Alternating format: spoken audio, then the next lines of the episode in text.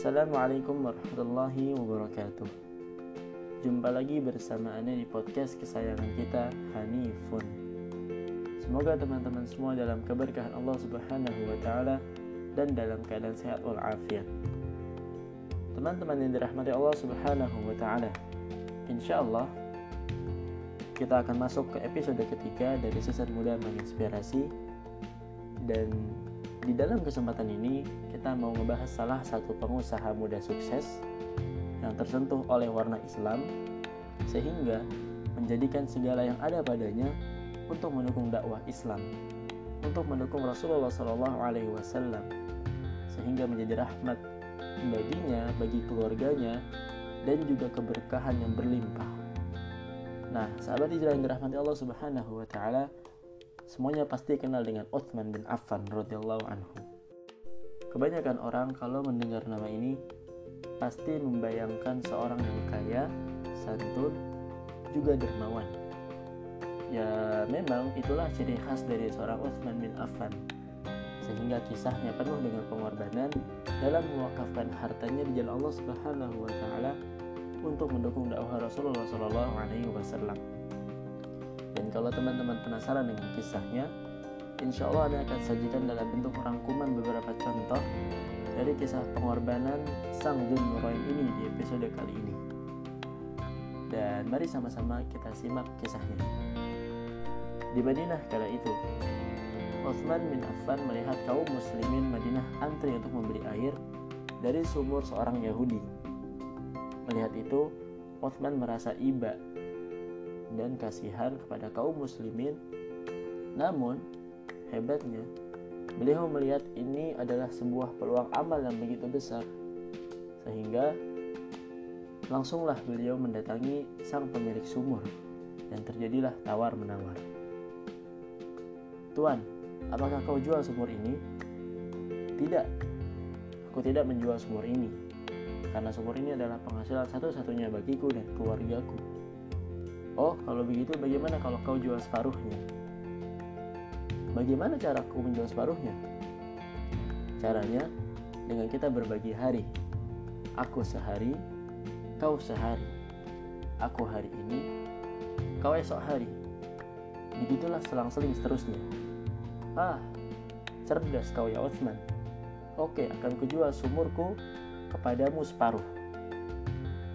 Wahai bapak, berapa kau berikan harganya untukku?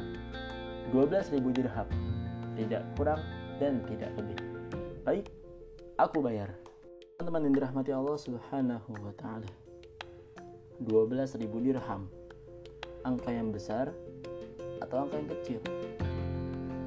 Nah, kita akan telaah sedikit berapa sih sebenarnya wakaf Uthman kalau kita jadikan rupiah agar kita bisa merasakan dan menghayati bahwa Uthman bin Affan adalah orang yang gak main-main kalau mau berwakaf. Beliau tidak pikir-pikir lagi kalau mau narik ATM untuk berinfak. Jadi kita akan cari berapa sebenarnya wakaf Uthman bin Affan. Satu dirham itu sekitar 3,5 gram perak. Dan kami berusaha mencari di all shop harga 3,5 gram perak ternyata keluarlah angka sekitar 25 ribuan. Ada juga yang 26 ribu 27 ribu bahkan yang paling mahal ketemu 28 ribuan. Jadi anda simpulin aja 26 ribu ya biar tengah-tengah. Nah 26 ribu dikali 12 ribu maka teman-teman akan keluar angka di kalkulator. Jumlahnya 312 juta rupiah. Kalau pakai harga perak zaman ini Allah Subhanahu wa taala tidak pernah salah menghitung dan tidak pernah meleset memberikan ganjaran. Dan angka yang ini yang 312 juta rupiah Uthman bayar cash untuk membeli separuh sumur orang Yahudi. Di hari giliran sumur menjadi miliknya Uthman, beliau berseru pada kaum muslimin, "Ya ma'syaral muslimin, Ambillah air dari sumur ini untuk kebutuhan kalian selama dua hari.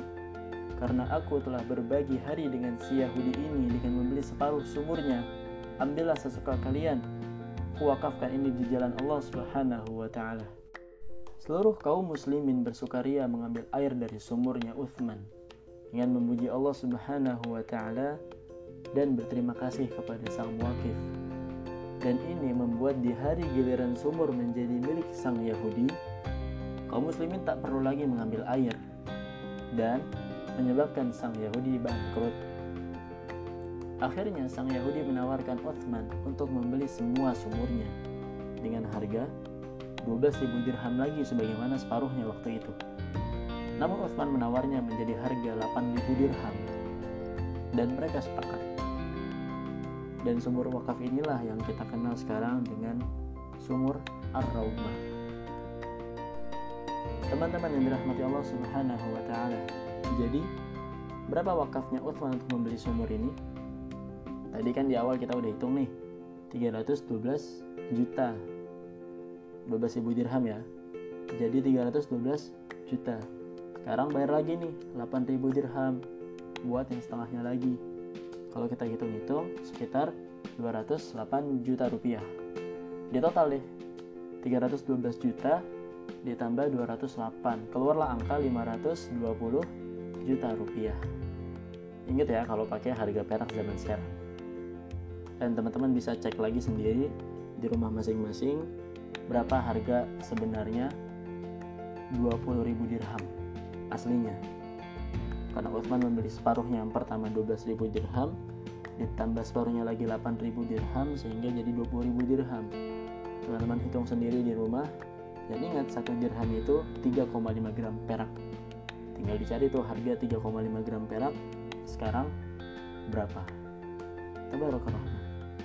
Nah, teman-teman yang dirahmati Allah Subhanahu wa taala, tadi kita udah tahu ya jumlah wakafnya Utsman. Dan Ane mau kasih salah satu poin penting dari kisah ini bahwa kalau kita perhatikan di samping kedermawanannya dan jiwa rela berkorban sang Utsman bin Affan kita bisa tarik satu poin penting. Ternyata seorang muslim itu gak cukup cuman jago ibadah maksudnya khusyuk ibadahnya rajin puasanya. Ternyata seorang muslim itu harus ada yang jago dagang seperti Utsman bin Affan jago bisnis menguasai trik jitu perniagaan yang bersih dari curang dan riba dan semacamnya nah jadi teman-teman yang udah menekuni dunia bisnis silahkan sok lihat-lihat sirah nabawiyah dan para sahabatnya yang mereka itu punya background entrepreneur. Oh iya, Rasulullah sendiri pun pedagang loh dulunya. Berdagang barangnya Khadijah. Pergi ke Syam dan ternyata Nabi Muhammad itu saat berdagang meraup untung yang besar. Namun bersih dari curang, bersih dari riba, timbangannya pas. Dan inilah yang Rasulullah SAW terapkan kepada para sahabatnya yang backgroundnya entrepreneur, pengusaha. Mantap kan?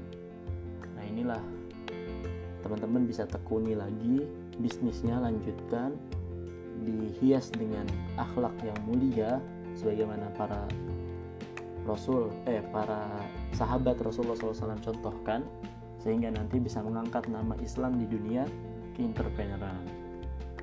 Barakallahu fiqh teman-teman yang dirahmati Allah Subhanahu wa taala. Ada satu kisah lagi yang cukup mengagumkan dari seorang Uthman bin Affan. Pada saat itu Rasulullah SAW hendak memberangkatkan pasukan Tabuk. Namun, pasukan Tabuk ini adalah pasukan yang high cost. Banyak biayanya besar. Karena harus jauh perjalanannya sehingga biaya perjalanannya tinggi, perlengkapannya mahal, belum untuk kendaraannya, akomodasinya, dan yang penting juga jangan lupa untuk biaya nafkah keluarga yang ditinggalkan selama waktu yang kira-kira nggak sebentar sehingga sangat sulit untuk kiranya ikut berperang bersama Rasul. Maka banyak sahabat Nabi yang mengadu kepada Rasulullah SAW perihal mereka ingin sekali ikut berjihad, namun nggak punya biaya, nggak punya cukup uang untuk membiayai dirinya sendiri ikut berniat bersama Nabi dan mereka semua nangis sedih karena terpaksa tidak bisa ikut berjihad bersama Nabi Shallallahu. Rasulullah Wasallam mengumumkan ini di masjid. Ya ma'syaral muslimin, siapa yang mau menanggung pasukan ini, Allah akan menjaminkan surga baginya. Uthman berdiri dan berkata, Ya Rasulullah, beri aku seribu orang untuk kutanggung perbekalannya, kendaraannya, perlengkapannya, dan nafkah untuk keluarga yang ditinggalkannya. Ya Uthman, jazakumullahu khairan. Semoga Allah membalas yang lebih baik untukmu. Ya ma'syaral muslimin, siapa lagi yang hendak menanggung pasukan ini? Melihat orang tidak ada lagi yang berdiri, Uthman berdiri lagi. Ya Rasulullah, tambahkanlah untukku seribu orang lagi untuk kutanggung segala perlengkapannya berangkat ke perang Tabuk. Masya Allah ya Uthman, jazakumullahu khairan. Semoga Allah membalas yang lebih baik untukmu.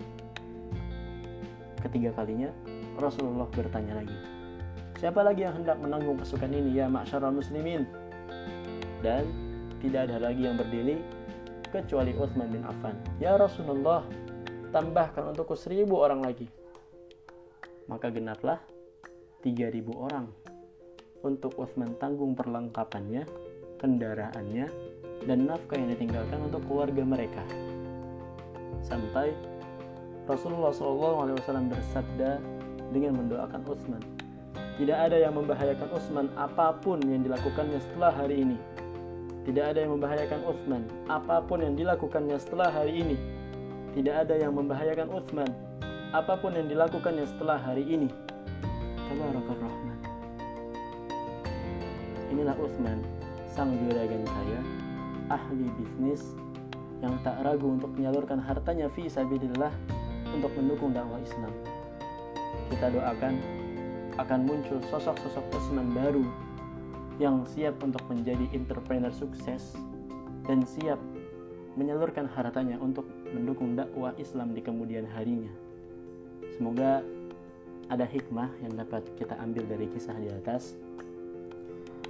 Kalau banyak kesalahannya, mohon dimaafkan. Berhubung Anda adalah manusia biasa, dan kalau ada benarnya adalah taufik dan hidayah dari Allah Subhanahu wa taala.